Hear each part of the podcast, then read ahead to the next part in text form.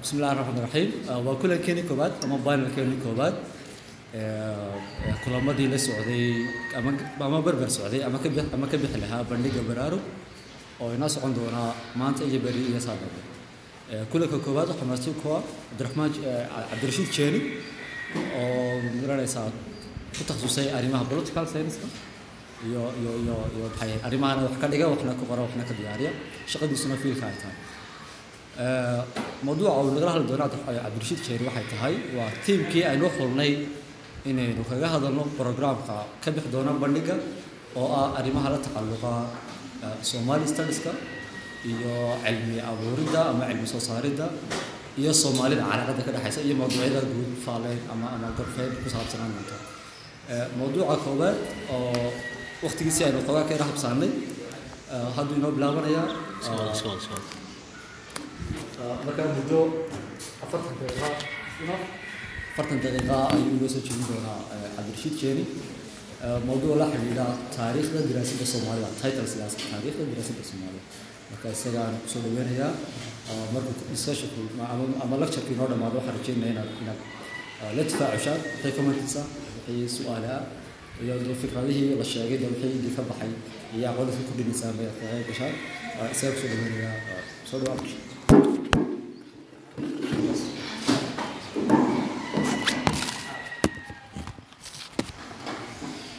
بسم الله الرحمن الرحيم كنت أول ما تنتهين والسلام يا المحرم وعليكم السلام يا سلام الإسلام كان لما كسر الجياشين هو الرئيم وحنا فضل إلى نوم النقاط ذلك سوق القابل برنامج القابل وي برامج وسنور وهي سنة كلا والي الكنيسة وي محكي حصومها كنت لبس هاي dhalinyaro frontier ahayd hay wakti intaa leeg oo intii waktigooda ka jara bugaag ay isugu keenaan bugaag bugaag intaasoo kunoo bugaag ay isu keenaan oo ay nuxurkooda uu yahay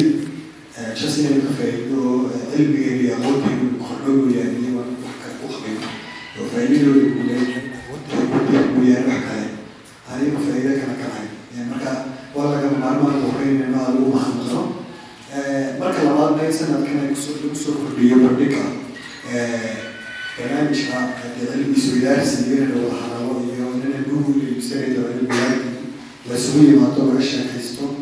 cilmiga aqoonta laga wada hadlo marka guud ahaan aad baan ugu mahadnaqaya dhalinyarada soo qaabqaabisan ay ugu horeeyaan cabdullaahi cabdulqaadir jaama raage sayidka iyo maxamed xijaro ahaa dadkii markii ugu horeysay afrikada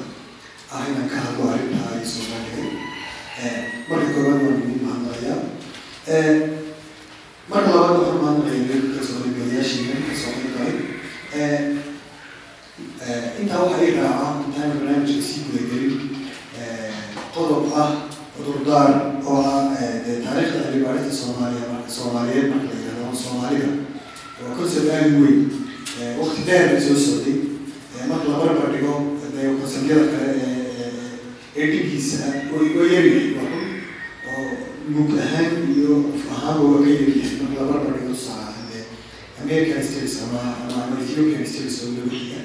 ciidamarista ethiopianka ama ciidamarista maraykanka oo kale marka la barbar dhigo waa ka yaryahay laakiin haddana isagoo ka yar ma aha arrin si kooban iyo waqti kooban toona lagu soo lagu dhamayn karo oo lagu diyaarin karo maaha marka labaad ee wadadaarkeena waxa weeye taariikhda soomaalida guud ahaan iyada qornayn oo aada u qornayn taariikhda cilmi baarista iyada lafteeduna ma maaha wax si qoran ama haddaan qornayn yaaba waxyaa badan taariikhda lagu sheego in lagu kaleeya aragti duduwanaado oo qofba dhinac iska soo taago marka iyaduna de wadadaarka intaa markaan dhaafo mawduuca taariikhda cilmi baarista soomaaliyeed inkastoo yaraanka yahay bulshadnimada waxaa rabaa inaan siiyo maab yaro kooban oo ku saabsan waxaan ka hadli doono si ay markaa u wada isu fahmo ugu horeyn waxaan ka warrami doonaa bilowga cilmibaarinta soomaaliyeed iyo xilliga cilmibaarinta soomaalida marka soomaaliga laga dhigo labadaba waa noqonaysaa marka labaad waxaan rabaa inaan marna taariikhdii ka warramay oo muhiim noqonaysa inaan ka hadala waxa weeye horreeyey ee qaabeeyey ama formaadka u yeelaan formgareeyey taariikhda cilmibaarista inaynu iyagana taataabano dhammaantood ma wada sheegi karo laakiin qaar ka mid a inaynu soo qaadano tusaalayaal aynu u soo qaadano marka saddexaadna platformskii yimid ee markii dambe ka dhex abuuray taariikhda cilmibaarista soomaalida ee uu ka mid yahay ururka cilmibaarista soomaaliyeed ama somali studies international association dadku had iyo goor waa isku qodnaa ururka cilmibaarista soomaaliyeed iyo cilmibaarista soomaaliyeed waa kala laba cilmibaarista soomaaliyeed ee weyn ama cilmibaarista soomaalida ee weyn ururka urur ka oo dee inkastoo ka ugu weyn ku dhagan yahay haddana laakiin ma aha dee kaasoo keliya ama ama ama intaa kuma eka cilmibaarista soomaaliyeed waxaa iigu xiga sourceska halka ay taalo cilmigaasi iyo journaliska ugu badan ee daabaca iyo meelaha laga helo iyo si dee sababta koowaad ee u samaynayno bandhigaynu maadaamuu yahay qofka academiga ah ee dhalinyarada ee doonayana ku xidhnaa halkeenu kala jaan qaadaya marka sourceski aynu sheegnaa oo aynu ku dhawaaqaa maarmaan marka intaa ku xigtana waxaynu ku sii xejin doonaa fursadaha iyo iyo caqabadaha cilmibaarista hore iyo tan dambe casriga ah ee s s i s s i a labadaba inaynu inaynu fursadahooda iyo caqabadaha labadaba sheegno iyagana aynu ku xejin doonaa haddaba ugu horreyn platformkan marka dambe noqonaya waxaa loo yaqaan casri garoobaya cilmibaarista soomaaliyeed noqonaya marka dambe la leeyahay somali studies markii hore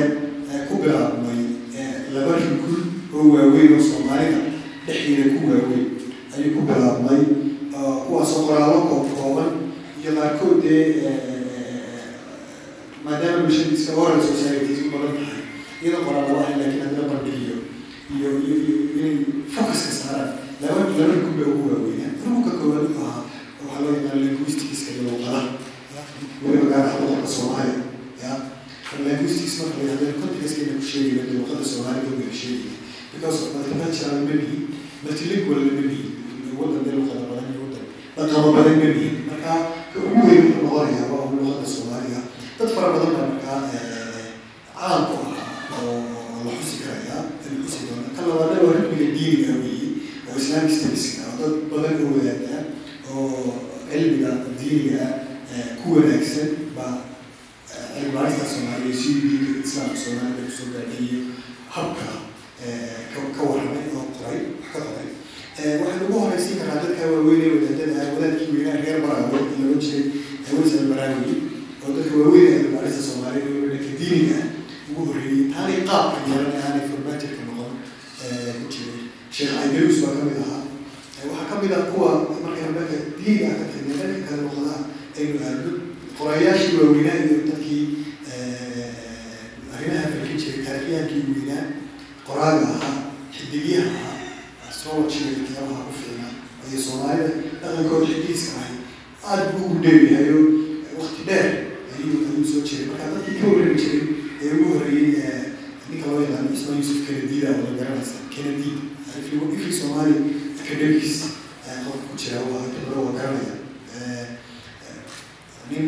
bugaag fara badan qoray oo bugaagtiisa fara badan kuwa taariikhiga iyo kuwa jugraafiga iyo kuwa saynsaba ay lahaayeen xusi karto haddaad dib u xasuusato waktigii la qorayay af soomaaliga luqada soomaaliga la qorayay qoraalka laga dhigayay isagu soo saaray ikhtiraacay farqoraalka soomaaliga cismaaniyada loola jeeda oo maqashay mafilay marka cismaaniyada waxay mid kamida kuwa ugu waaweyn inkastoo aan la dooran oo aanay noqon fartii rasmiga ahayd ee soomaaliga ahayd ee laakiin farta laatiinka la doortay sababo badan dartood haddana wuxuu ahaa fartiisu iyo ikhtiraacdiisu waxaa qiimale buu ahaa. Luqadaha marka la kala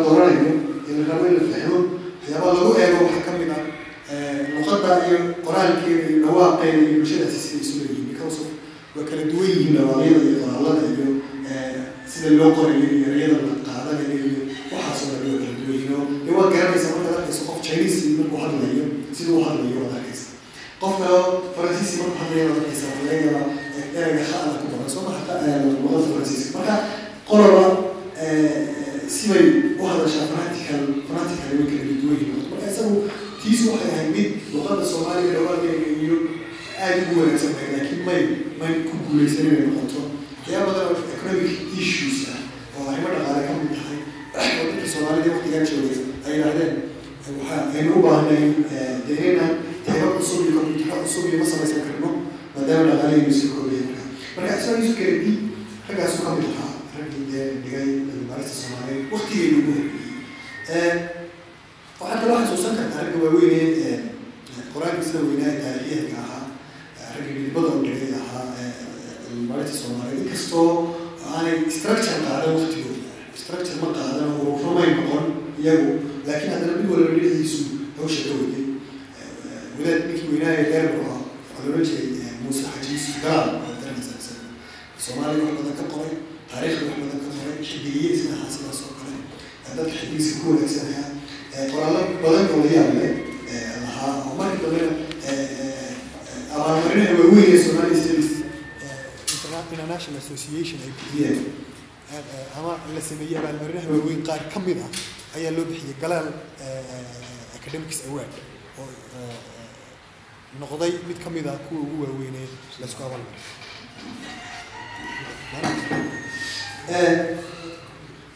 taasi waa taariikhdii hore markaa soomaalida xilligaan structure ka qaaday waqtigii dambe ee ka dambeeyey wuu isbedeshay casri baa la noqday ummaddii sidii hore si ka duwan bay noqotay waqtigaasi dee waqtiyadii hore xilliyada ka hadlayaa hore waxa weeye xilliyadii ku qarnigii sideed iyo tobnaad qarnigii sagaal iyo tobnaad waqtiyadaasa sheegaya marka waqtigii uu soo turkay dhinaca casriga ahaa la yimid cilmibaarista soomaalida casri bay noqotay qoraaladii baa soo kordhay dowlad soomaaliyeed oo xor abaa gumaysta ka xor abaa timi taasaa marka waxay sababtay structure ku isbedelo oo cilmibaarista soomaalida ay noqoto mid structure xirnaan leh. Marka ururada urur weyn baa samaysmay kun sagaal boqol iyo toddobaatan iyo sideed ururka cilmibaarista soomaaliyeed la yidhahdo magaca loo bixiyay loo dishiyo ahaa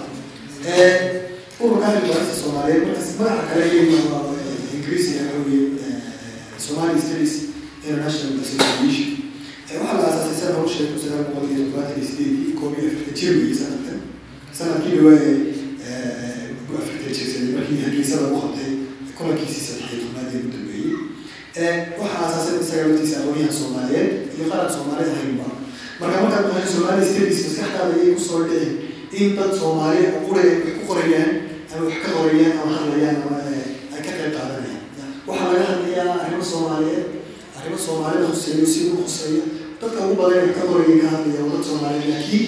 waxa raaca dad aan Soomaali ahayn oo dee aasaasay oo ururkan laftiisa wax ka aasaasay waxaa ka mid ah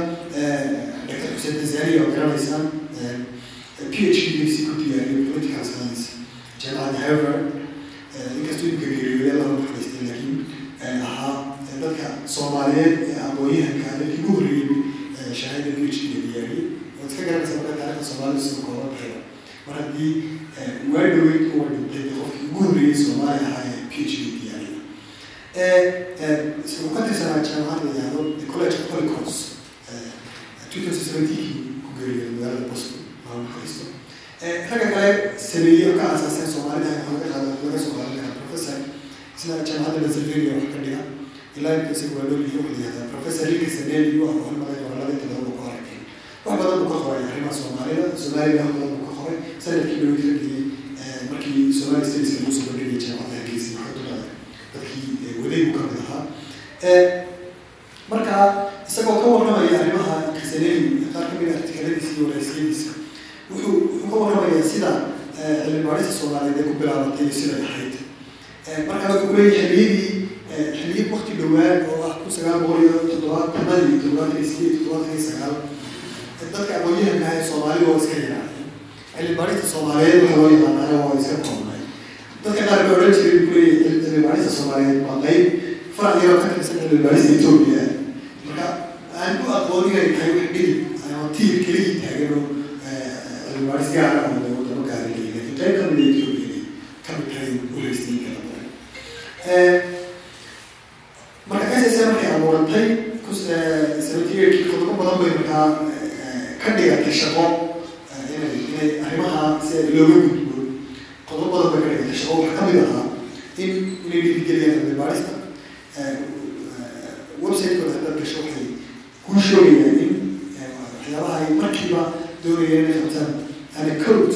uh, they say uh, from their websites we want to redefine the field of modern Somali studies waxaan doonayaa inuu dib u hufno oo dib u hagaajino oo qorqorno cilmi baarista soomaaliya u hagaajino ka dhigno dirinku gaara ka hoos baxa sida la moodaya inuu ahayn cilmi baarista ethiopia ka qayb in cilmi baarista academiga ah ee social science iyo natural science labadaba dhiirigeliyaan inay daawacado iyo waxyaabo lamida qaladaabiyaan inay goobo la isku yimaado cilmiga u fudameeyo sameeyaan arrimahaas u ahaa marka ayaga qodobo qodobada ka dhigtaan boynka ka dhigtan ee ay ku socdaan goolkooda ahaa qodobadaas ka mid ah waxaa marka xusid mudan xilligaa la abuurayay dowladdii maxamed siyaad barraa ka jirtay waddanka soomaaliya waxaa maamulayay dowladdii kacaankii maxamed siyaad barraa maamulayay sida loo soo reebay inqilaab nineteen sixty jiray marka markii la abuuray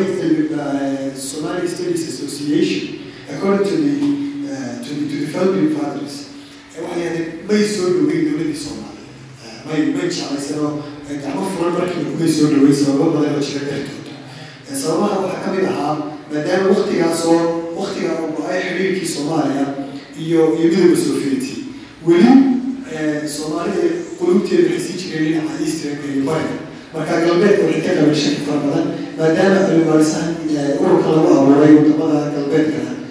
waddamada galbeedka shaki ka qabaan awgeed weli may soo dhaweyn xidhiirkooda maadaama wala fadhiisan muu noqon waxay soo dhaweeyaan muu noqon qodobka labaadina wuxuu ahaa may haddii or wadamadu haddii dictator yihiin ma jecla freedom of thought iyo fikirku inuu furnaado ma jecla marka cilmibaaristaasi waxay garteen inay gelayso habkan dowladnimo ay u maamulayaan waddanka inay soo gelayso inay furfurayso inay falaqeynayso kuwaasay garteen sidaa awgeed waxay sheegayaan family fathers inanay had iyo goor noqon qodob markiiba ay soo dhaweeyeen inaanay inaanay noqon yeelkadeeda haddana iyadoo sidaasa shirkii ugu horreeyay lagu qabtay soomaaliya ama waddankii dee soomaalida waagaa wuxuu noqday waxaa la kun sagaal boqol iyo sideetankii waxaa lagu qabtay magaalada muqdisho. Marka dowladdii soomaaliya waqtigaa doonaysa inay furfuranto oo dunida u furanto oo aqbasho dee afkaaraha kala duwan iyo dowlad tii hore ka duwan inay isu muujiso ayaa soo caswintoo jiray ha lagu qabto magaalada muqdisho shirweynihii ururka oo saddexdii sanadoodba mar la qabto. Kun sagaal boqol iyo sideetankii markii ugu horreysay waxa lagu qabtay. Dhul soomaaliyeed lagu qabto buu buu buu noqday hala qabtee waaga markii la qabtay dadkii academicianska ahaa ee waxbartay scholarshipkii waxay dareeneen markaas riwaa cusub oo furmay dadka soomaalida because of waxay u qaateen in dowladdii furfurantay aqbalayso ra'yiyada ka soo duwan because of hadday la aqbashay research la sameeyo oo weliba gudaha waddanka lagu qabto inay aqbashay arrimihii waaweynaa ee waddanka yaalay laga wada hadlo bay markaa u qaateen. Fursad cusub bay moodeen shirki waa aqbaleen waa lagu qabtay arrimo badan oo shirku markaa xoogga saarayo lagaga hadlo waxaa ka mid ahaa arrimihii dhaqaalaha ee waddanka waxaa ka mid ahaa arrimihii maamulka waddanka waxaa ka mid ahaa waxyaabahaas marka waxyaaba farteeda badan u baahan in research laga sameeyo cusub oo la kala qaato oo dabadeedna researcherska gudaha iyo kuwa dibadda inay markaa ku sii dhaqaaqaaqay ballan oo laakiin dowladdii soomaaliyeed dhanka kale waxay aragtay arrimo taabanaya laga hadlayo because waxyaabaha dee shirka laga wada hadlay cilmibaarisku ay taabanaya waxaa ka mid ahaa dee corruptionkii dowladda ka jirta waxaa ka mid ahaa qabyaaladii waxaa ka mid ahaa dictatorshipkii waxaa ka mid ahaa xadhigkii waxaasoo dhan marka wuxuu freedom of expressionkii dee qayb inay ka noqdaan laga hadlo marka haddana dib ay ugu guratay oo dowladdii may may kalsoonidii markii hore ay siisan aragtay inay dee fadhiyay dadku haddii sidaa furan aqoonta loo inay saas way u fadhiyay marka dib bay uga istaagtay may dhicin inay sii socoto waaga cilmibaarayaal kooban oo talyaani ah ayaa dowladda soomaaliya fasax haysto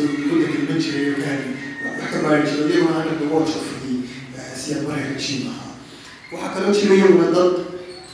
local researchers laakiin dowladdu ay isha ku hayso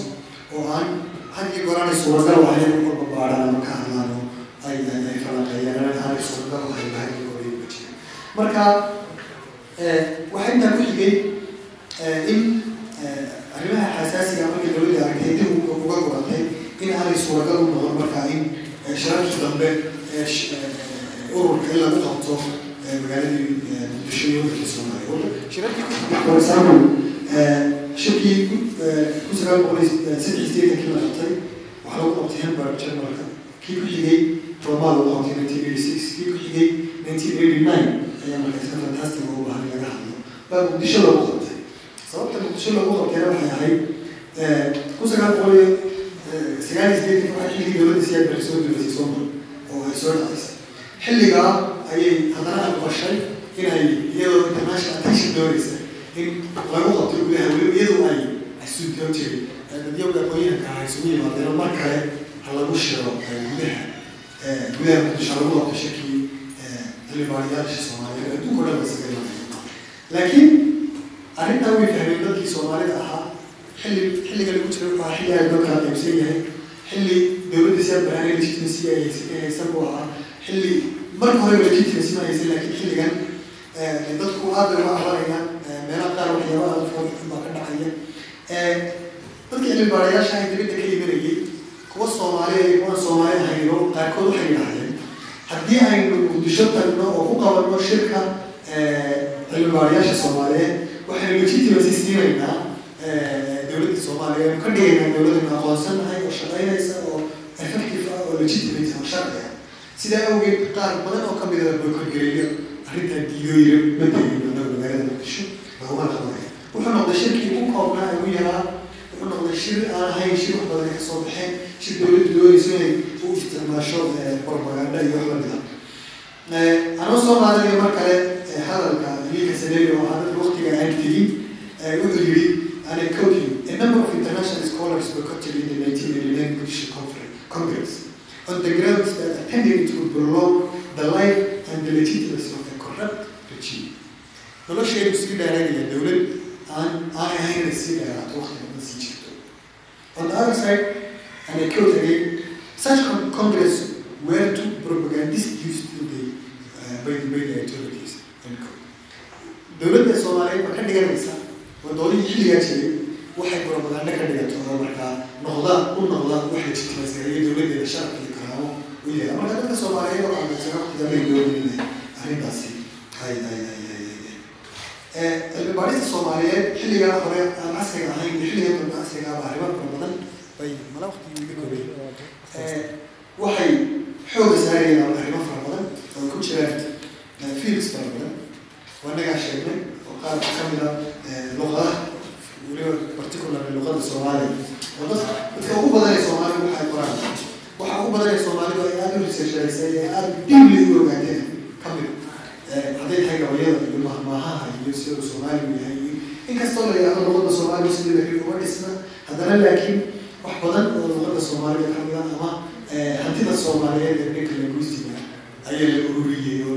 oo loo keediyey dad badan badan badan oo waxaa wax ka qoray oo arrimaha ka qoray laga qaar soomaaliya iyo qaar aan ahaynba oo bugaag fara badan waxaan ka soo qaadi karaa maxamed baashi xaji xasan oo bugaag ka qoray waxaan ka soo qaadi karaa professor maxraale waxaan ka soo qaadi karaa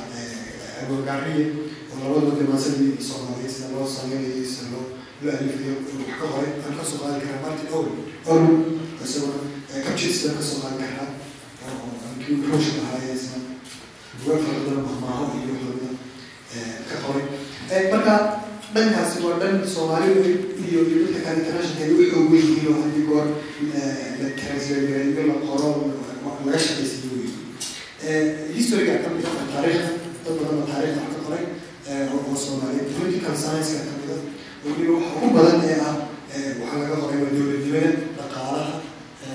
humanitiska kale social science-ka kale aad baa wax looga qoro soomaalidu weliba statekeeda soomaaliyeed ay wax ka qortay stateyadeeda kale ee somaliland aad wax looga qoray jabuuti aad wax looga qoray soomaaliya aad baa looga qoray political science markay timaado archaeologyga ka mid a iyo arrimaha la xiriira soomaalida iyaduna ay aada wax ku qortay oo dad badan oo xilligii horena dowladda soomaaliyeed iyo markii hal hal dowladda jirtay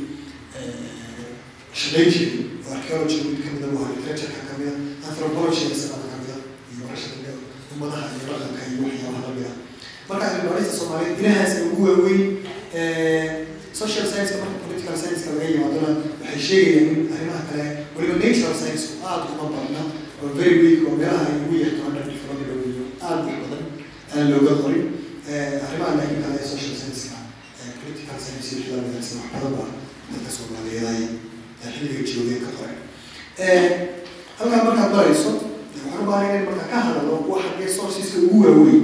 ee cilmibaarista soomaalidu ay taalaan. Because of ardayga ama qofka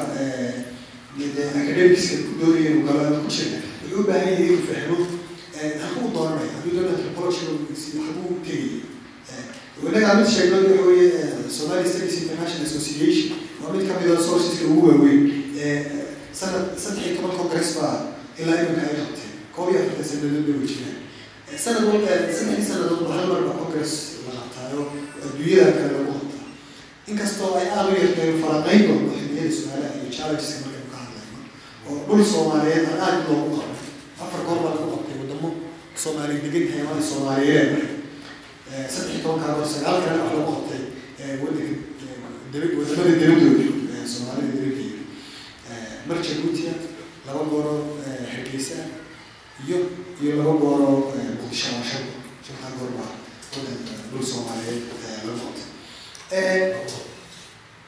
intaa waxaa raaca hargeysa international book fair isaguna ka mid ah meelaha lagu soo bandhigo dee dadku instan oo kale uga heli karaan ama soomaali qorto ama iyo qori laakiin goobo la isugu yimaado soomaali intellectuals iyo non somali intellectuals labadaba ay joogaan waxaa ka mid ah barnaamijka oo iminka joogno goobaha la isugu yimaado ee sourceska ka mid ah waxaa ka mid ah bugaagta laga soo laga soo saaro somali studies journalo waxaa jira bugaag sanad walba saddexdii sanadoodba mar laga qoro oo lagu ururiyo artikalada marka la isu yimaado shirarka waaweyn waxaa laga qabto waxaa la qabtaa intaan shirka la furin ee la bilaabin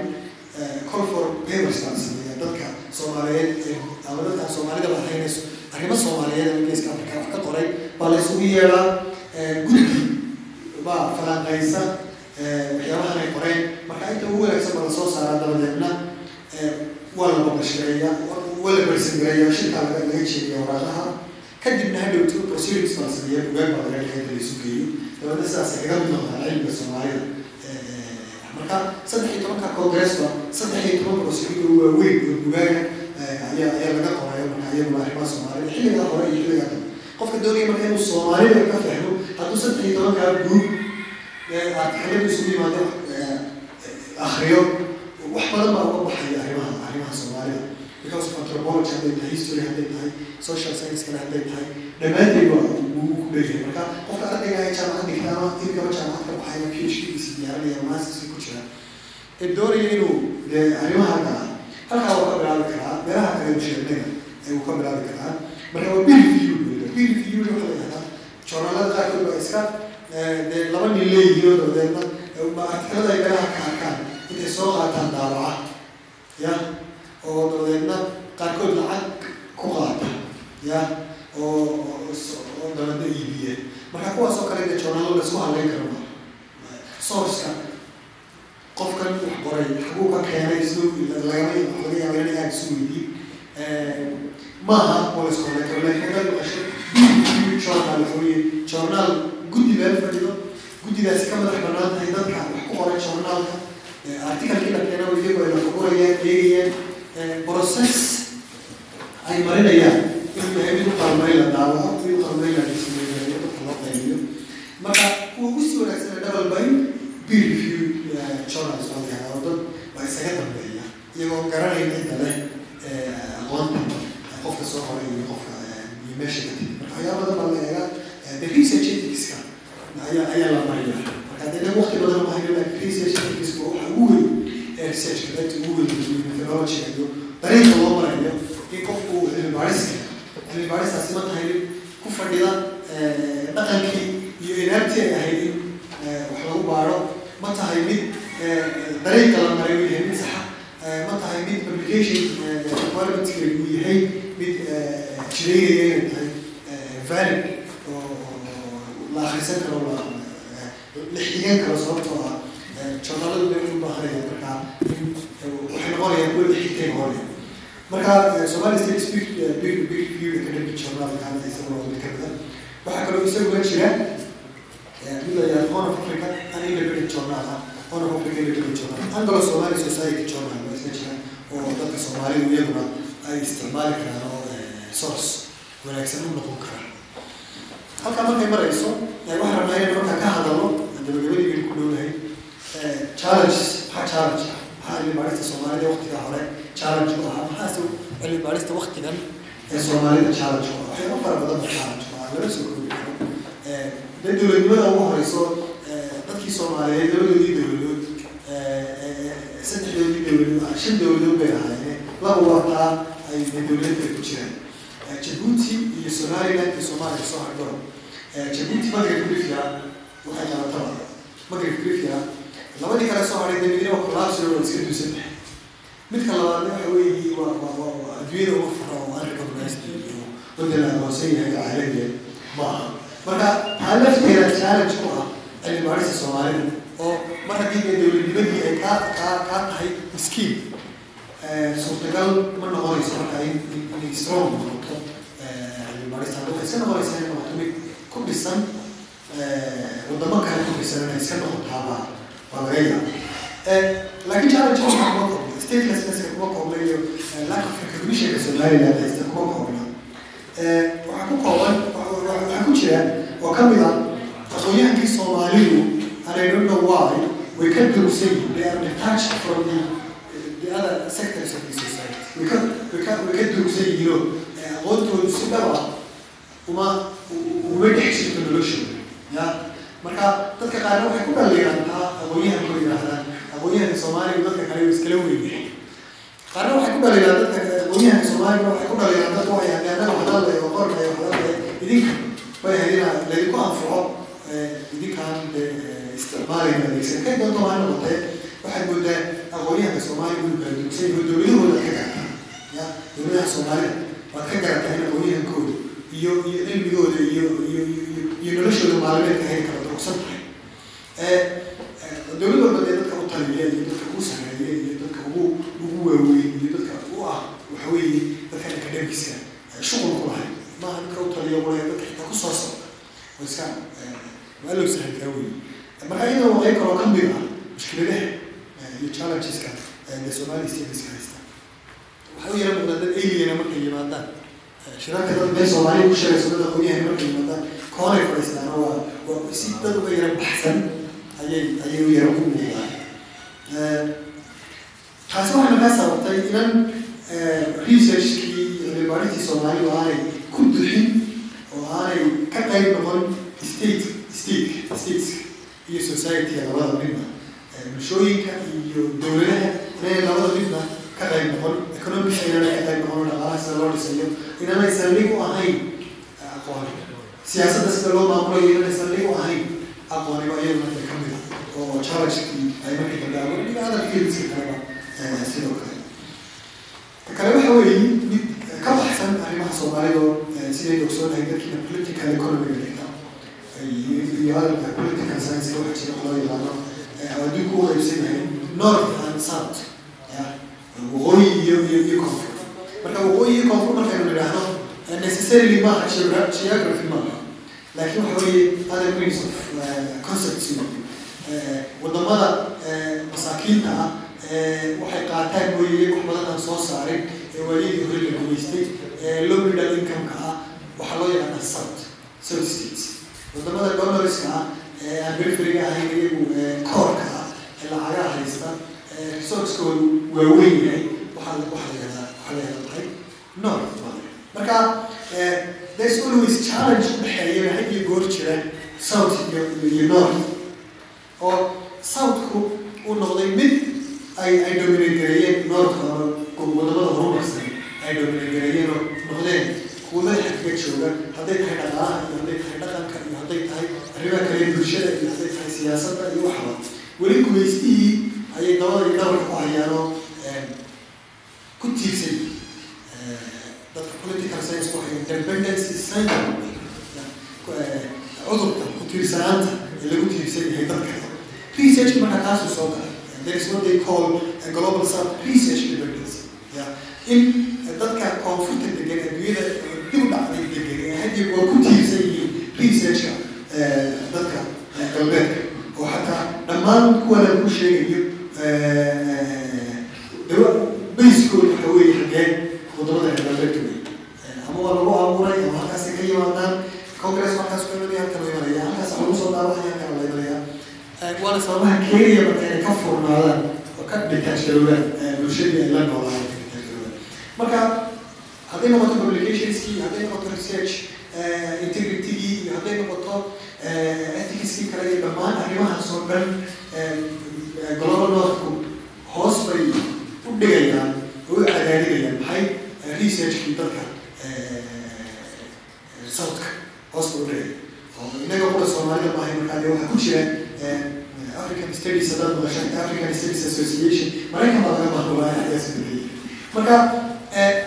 mushkiladda weyn ayaa iyaduna qayb ah waxyaabaha ku ah problemka haddaynu researchkeeni iyo somali science-kuna uu la wadaaga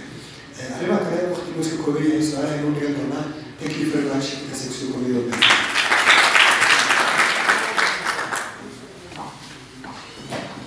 aada u mahadsanaya cabdil jeli oo actually naga siiyey xog wanaagsan soo bandhigidda taariikhda dheer ee leedahay taariikhda gobol si aad u daadsan afartan sano kow iyo afartan sano laba iyo afartan sano marmaya maxay markii u dambeysay markii u horeysay ka samay maxay association somali science hadda waxaan bilaabi doonaa inaynu su'aalaha u furno su'aalaha idin furno oo bishaan waxay kamadsanaysaa iyo iyo intaan intaa gudbin waxaan jeclahay taariikhda marka ku soo warmaysay waxaan jeclahay su'aal kaa weydiiyo current situation keenta ay lasla marayo somali studies ee arrimahaas anaa ka bilaabaya qodobka u dambeeyay sheegtay ee ah arrinkan global south iyo iyo iyo north south south dhibata dhexdeeda forces la isku dayay inay soo baxaan ama afrikaana ama indiana ama caraba oo muujinaya system ay ka soo horjeedaan theorieska ama researchka ay sameynaya dowladaha northka dee gumanigaranaya xagga dhaqaale ahaan iyo iyo cilmi ahaan iyo dhanba soomaalidu dibeedka qayb ka yihiin especially soo qaadana keeska ku dambeeya ama projectka cadaan studies oo kale dadka qaar ku ku eedeeyaan in inuu shicaar ku toogan yahay magarsiisan yahay heer global global south forceska uu qayb ka noqdo macnala nabdiyo research in ninka cadaanka haawaday بسم الله الرحمن الرحيم عدالة ستاديز وكونسبت وكونسبت اسبوع صومالي مرة صوت حكاية دولة مرة كده لقيت مين أبوي highly politicized. In international level and in locally labadaba oo wax aad aada loo siyaasadeeyey oo aada u siyaasanaysa dadka qaar waxay ku doodayaan why addan studies particularly loo beegsanaya uh, because of dhammaan way addan studies midan addan studies ahayn baa jira addan studies haddii loo jeedo western society-ga uh, ayaa qeyb badan ka ah yes researchka talooda uh, western societies ku research ayaa laakiin waxaa la iska dhatiri karin oo run ah in starting from the colonializations time. Caddaan oo dadkaynu sheegayna caddaan marka leeyahay loo jeeda western countries ama waddamada reer galbeedka waxay isku dayayaan inay mar waliba dowladagareeyaan oo ay hegemony ku haystaan oo ay dusha kaga fadhiyaan. Researchyada iyo cilmi baarista dadka dadka aan iyaga ahayn taasina maxay u soo kordhinaysaa waxay u soo kordhinaysaa in ay aqoonta adduunyada iyagu kaydiyaan inay aqoonta adduunyada informationku haddii la organiseeyo waxa waa halis wey ya haddii aqoonta adduunyadu ay imbalance noqoto dhinac ka dhe u dheeliyo oo waddamada qaar ka midii ay ay noqdaan dadka aqoonta adduunka u haya then kuwa aqoonta u hayo baa dhaqaalaha u hay u hayn doona kuwa aqoonta u hayo baa siyaasadda u haya iyo kuwa aqoonta u hayo baa u haya laakiin dhanka kale dad baa jira fara badan oo ku doodaya innaga lafteeda waynu siyaasadaynay oo waxaynu moodnay arrimaheenii soomaalida ee aynu ku kala qaybsanayn for example somaliland and somalia issue inay dhabarka ku hayso kaa dadka qaar baa sidaa u weyseysmeeyey laakiin still taasi ma ma xanigayso ma xirayso arrinta global global north challenge ku dhexeeya ma xanigayso wula qaybi ka tahay waana run in ay mar walba dadka reer galbeedka ahay ama dee galbeed bay ahaan waddamada dhaqaalaha badan haystaa inay isku dayeen inay dhowleegareeyaan dhinac kasta nolosha ka mid ah hadday researchka tahay iyo hadday other social issueska bulshada tahay aad baan mahadsantay yaa jecelina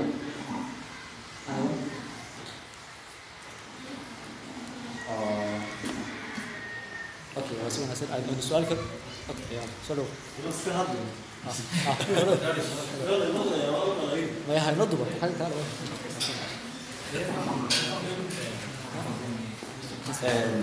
بسم الله الرحمن الرحيم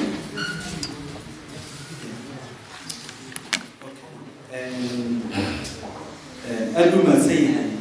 عبد الرشيد رضي عرفي عنها طيب برسك والله قال معاه اختي قال ليا فحرينا له سؤالون mid waxay ku saabsan tahay researcherka masalan jooga somaliland oo kale nidaamkii tacliinta aan garanayno duruufaha ku hareeraysan aysaa ka ballaaran noloshiisa qofku waxaa masalan ku soo jeeday oo sidee uu samayn karaa research comfort noqon kara isagoo duruufihiisa qiimeynaya iyo qofka researchka technical mashaakilka haysta qofka in research sameeyo su'aasha labaad weydiin waxa weeyaan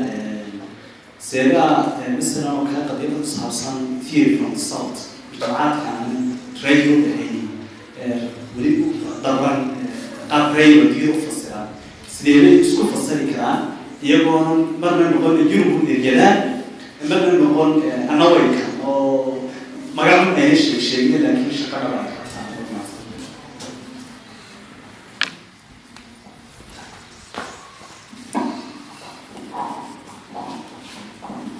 bismillahi raxmaan raxiim aad baa umaxadsantawa suaalada qiimale wey su'aasha hore researchka soomaali soomaaliga sidee sidee research soomaali karaa xagee ka bilaabi karaa maxaa caqabadaha horyaala waa su'aal ugu weyn oo keligeed ah fili dhan iyo maalin dhan in in laga hadlo laakiin haddaan soo koobo caqabadaha haystaa ma yara caqabadaha waaweynaya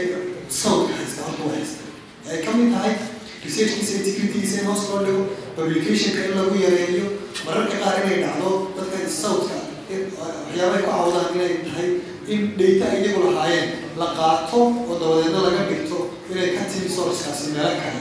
siday ku cawdaan inkastoo aan weli evidences dhaba loo hayn laakiin waa doodaha ay dadka southka joogaan ku cawdaan in datadooda la qaato in publicationka lagu adkeeyo oo waxaa laga yaabaa qofka northka ama waddamada horumaray ka yimid. Hadduu isaan research publish garee waktiga ay ku qaadataa afarlaabkeeda inay ku qaadato xilliga la jirabayo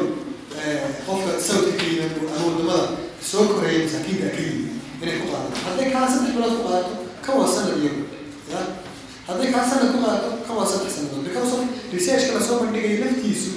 xilliga la eegayaa dee isaga laftiisu uu sii uu qofka soomaaliga waxaa u raaca waxaa u raaca mushkiladaha ay ugu horeyso dee inaanu qaran lahayn baa ugu horeysa inaanu qaran lahayn macnaheedu waa waxaa ku kooban boqolaal mushkiladood baa ku hoos jira waxaa ka mid ah dee waddamada kale haba yaraatee hana noqdeen wadamo masaakiina eh wuxuunbay u gareeyaan researchka ya. Wuxuun fanka ka mid ah wadanka taxka laga ururiyo cashuurta in ka mid ah bay u qoondeeyaan inay gasho xaggee cilmi baarista gasho qofka soomaaliga ahi laakiin waa inuu u daba mushkiladaha waaweyn haysta waxa weeye inuu organization laga leeyahay galbeedka u daba fadhiisto inay fangareeyaan research uu doonayo inuu sameeyo haddii kale hadduu doonayo inuu research daba sameeyo waa waa hawl adag waa shaqo adag waad garanaysaa de shaqada research leeyahay mushkiladii weyn waad garanaysaa stepska aad u baahan inaad haddaad doonayso research run ah oo nuxur leh oo dhab ah oo ummadka ku soo kordhin kara inaad samaysaa waktiga waktina oo uu kaaga baahan yahay resource uu kaaga baahan yahay labada marka labadaasi qofka soomaaliga ah oo dee shaqa la'aantu aynu garanayno waktiga halka heerka taagan tahay dowlad la'aantu aynu garanayno heerka taagan tahay labadaasiba waa mushkilado waaweyn oo iyagu haysta iyo kuwa iyagu kaloo fara badan soo kori karin badanna haysan kara arrinta fasiri karaan isu macnayn karaan dadka sawdka dadka sawdka sida koowaad ay isu macnayn karaan waxa weeye inay isku da inay qaadaan tallaabooyin walba oo ay isku dayayaan inay kaga maarmaan inay u daba fadhiistaan cilmi baadhista dadka kale. Waxaa ka mid ah inay iyagu yeeshaan goobo ay wax ku soo bandhigaan inay iyagu yeeshaan joornaallo credible oo iyagu ku qoraan inay yeeshaan dad researchers ah oo aan ku tiirsanayn the research waxa waxaa loo bixiyay the research colonialization ama gumaysiga the research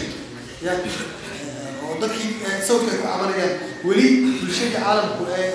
sawdka ama waddamada masaakiinta gumaysan jirta way tagtay. Laakiin dependency-gii baa joogo researchkii dee waxaan ku qabnaa dhib badan. Marka waa ka baxaan arrimaha noocaas oo kale ah dowladuhu inay u allocate gareeyaan resource lagu lagu fangareeyo baa ka mid a ma garanayo dowlad soomaali leedahay meel kastaba ha joogtee oo tiraahda markay budgetkeeda samaynayso lacagtaas waxaa lagu talagalay in research lagu sameeyo ama cilmi baadhis r n d lagu sameeyo hadday idinku garanaysa way sheegi doontaa laakiin kolle anigu soomaaliya iyo somaliland iyo meelaha kuma arag arrimaha noocaas oo kale iska daa iyagu volunteer lagu sameeyaan haddii aad adigu u tagto oo aad tidhahdo arrintan qaranka oo badan u taraysamaan doonayna inaan research ku samayno annagoo qof iyo lababa ahayn institutionisa way adag tahay sida lagula gartay lagu aqbalo oo ilmaxnimada noocaasa weli soomaalidu may gaarin sawdkuna inta badan inuu gaarin marka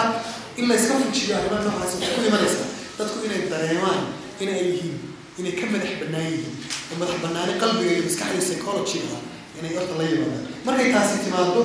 oo ay cidla cidladooda degaan oo ay arrimahooda gaar ka dhigtaan anigu waxaan is leeyahay markaa tartan baa bilaabi doona dadkuna ma kala adkaadaan ilaa ay tartamaan. Haddii xitaa afrika iyo waddamada laga research wanaagsan yahay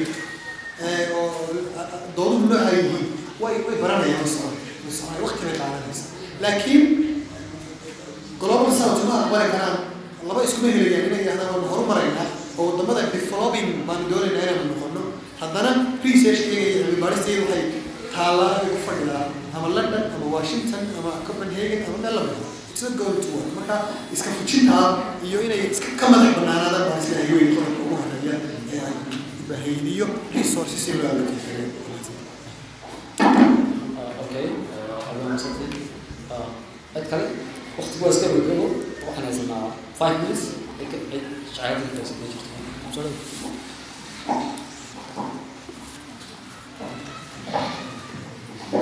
mahadsan yahay cabdishiid macalinkayga aniga ixtiraam gaaranaya prestation fiican runtii ula soo jeediyey magacayga waa jaamac challenge-yada oo ka hadlay professor jeliu baan hal mid ku daranaa markay ka hadlayno cilmi baaris runtii waa fil aad u ballaaran dadkeeduna sidaa uu sheegay jeli ma aha dad ilmaxnimada gaadhay inay sameeyaan aqoonta cilmi baarista laakiin hal mid baa jirta. Waxay ka bilaabeen institutionadu inay iyagu si gaar isaga xisaaraan cilmi baarista maadaama qof iyo laba qof aanay ka soo bixi kara inay tahay wax aad u ballaaran oo u baahan dhaqaale iyo aqoon badan iyo dadaal badan iyo schedule aad u ballaaran. Waxaa jirta challenge aniga ila muuqdaa in iminka soomaalida aad ugu dhex baahay oo runtii ragaadin badanna ku haya. Waxa weeyaan aqoon xumada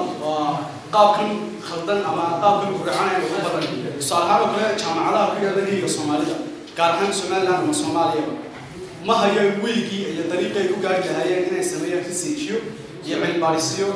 si qoto dheer loo dhiibliyo ay dhaqaale iyo wax walba lagu bixiyey ay u gaari lahaayeen. Tusaale ahaan oo kale waxaa jira oo somaliland iyo de deegaanka dhulka soomaalida ku yaalla jaamacado ten years furan iyo abafba weliba oo aan hal research lagu bale waxaa laga yaabaa inay ka graduate gareeyaan jaamacaddaas wax ka badan shan kun oo arday oo ay joogaan profesoro qaarkood yihiin masterate ama phd haddana weliga jaamacaddaas isku mid inay research samayso bale waxaa laga yaabaa ardadaas inay inaaba dhigtaan ay jaamacaddaas bixiso fiimo ku saabsan master graduate ay samayso. Marka waxyaalahaas oo kale oo haddii ay sii faafaan waxay keenayaan inay meesha ka baxdaba qiimihii uu lahaa researchku iyo markaa ama baahidii loo qabay research la sameeyo kale lagu gaarsanaayo marka haddii aan qaab su'aaladahan ugu soo dhigo researching ma kula tahay caqabadaas inay jiri karto oo ay tahay ina challenge inay soomaalidu research effective ah oo wax ku ool ay ka soo bixi karto marka loo eego qaabkan ay ku baran ama jaamacaddan aad mahadsan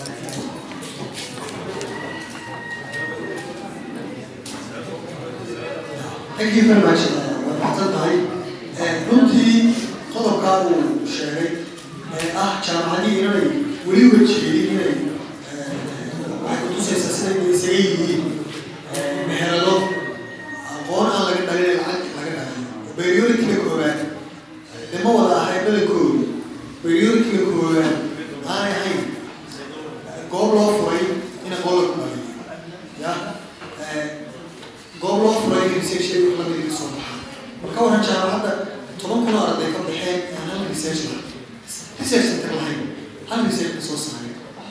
kaftan ya waa kaftan maaha laguma sheegi karo jaamacad laguma sheegi karo jaamacaddu waxa ugu ugu horreeya waxa weeye aqoonta cusub inaad ku soo geliso hadda ardaygu markuu jaamacadda ka soo baxayo soo ma qaato thesis ku qaato soo ma project u sameeyaa ama haw b b a diyaari ama ama ama ama ana diyaari waxa doonto diyaari de waxa weeye kan aniga waxa weeye aqoonta cusub maxaa markaad literature review samayso aad aqoontii hore jirtay soo akhrido aad review ku samayso maxaa aqoon cusub ah ee aad ku soo kordhinaysa jaamacadda kugu leh maxaa aqoon cusub ee soo kordhinaysa iyadoo aqoon cusub bay soo kordhin marka laysu wada geeyo waa xilli loo dhan. Iyadoo aqoon cusub bay soo kordhin marka waa kaftan inay arday ku tiraahdo kiisiskaaga waa maxay aqoonta cusub ugu soo kordhinaya waa shay kaftan dowladnimadana dib u egto weeyaan. Si serious loo eego. Oo weliba global southka lama qabno arrinta. Dadka kale oo dhali haynaga hooseey ka hooseeyeen noorka laakiin wuxuun bay research taraan wuxuun bay sameeyeen ya wuxuun ayay ayay contribute gareen laakiin innagu uma jirin ya jaamacaddu fankii contribute garan mayso waxda research dowladdu contribute garan mayso research development sameeyo marka waxa weeye halkaa fadhino unbaa bani xulkeedu noqonaya sida looga bixi kara waxa weeye spacekaa la qaaday inaynu qaadno ee ah in ay noqoto mid ka mida beeriyooyinka waaweyn waddankani inuu aqoonta adduunka kusoo kordhiyo ya waddanka Last question.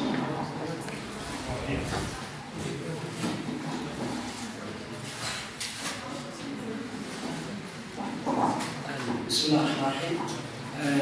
سؤال سؤالية waxay cabdirashiida waxay cusub wax badan uga hadalnay cilmi baarista Somali States markaas weliba aad ugu dheeraanay challengeskiisa ee caqabadaha ka hor yimaada taa waxaa hor imanaysa su'aal la mid oo ah waa maxay importanciga ay leedahay. Ma faa'iidada leedahay in waqti intaa la geliyo. Koob iyo afartan jirsato saddex iyo toban kuna laga qabto buugaa laga qoro dadi iyo habeen u soo jeedaan. Waa maxay? Markaa faa'iidada ku jirta in filistiga Somali Stateska la daba daba marba aad u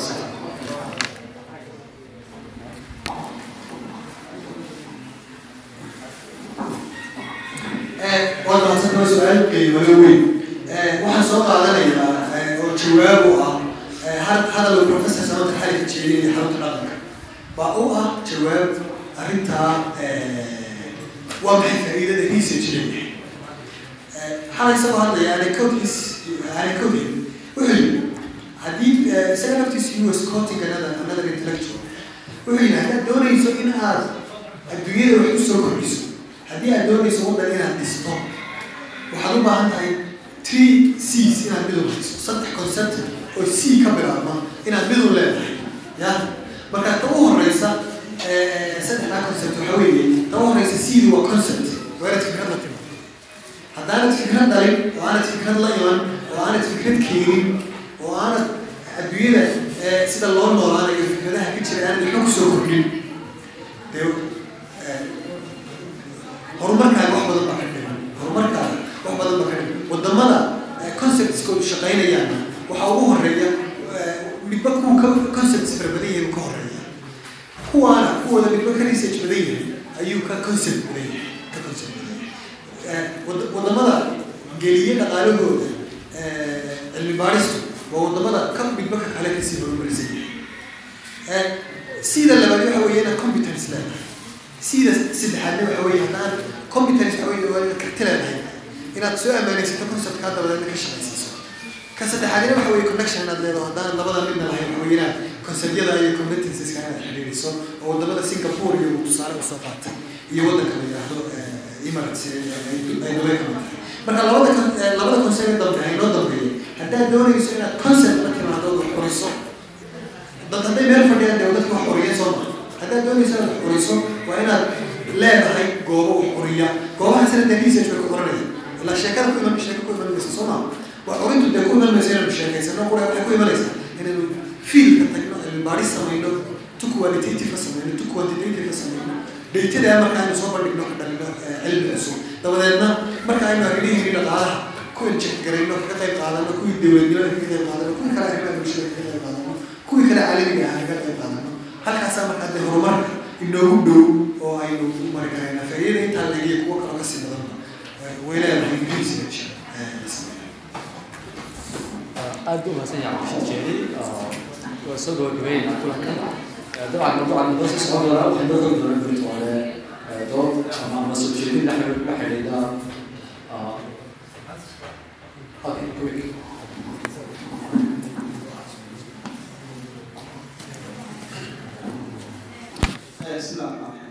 ma su'aal ama qababti marka magaalada safar baan ku ahay marka t v lala goobjoog goobjoog baan maynaya baafintay galabnimo warkiisaan ku arkay barnaamijkii marka kadibna waa baan soo raadiy waan anigoo weli fiican loo aqoonin waxaan aada u faraxsanahay runtii inaan dibadda inaan arko dhalinyarada soomaalida. Waa ah isku maaragtay ka. Wada hadlaya wixii ummadooda iyo caalamka kunooli mudana kana hadlaya waxa aqoona macnaha iyo cilmi anigu dad aqoonyahan ma hinti laakiin dadka wax akhriyaan xogay weliba luqada carabida saa darteed baan runtii markaan macalay buug maaragtay macadadka aan ku imid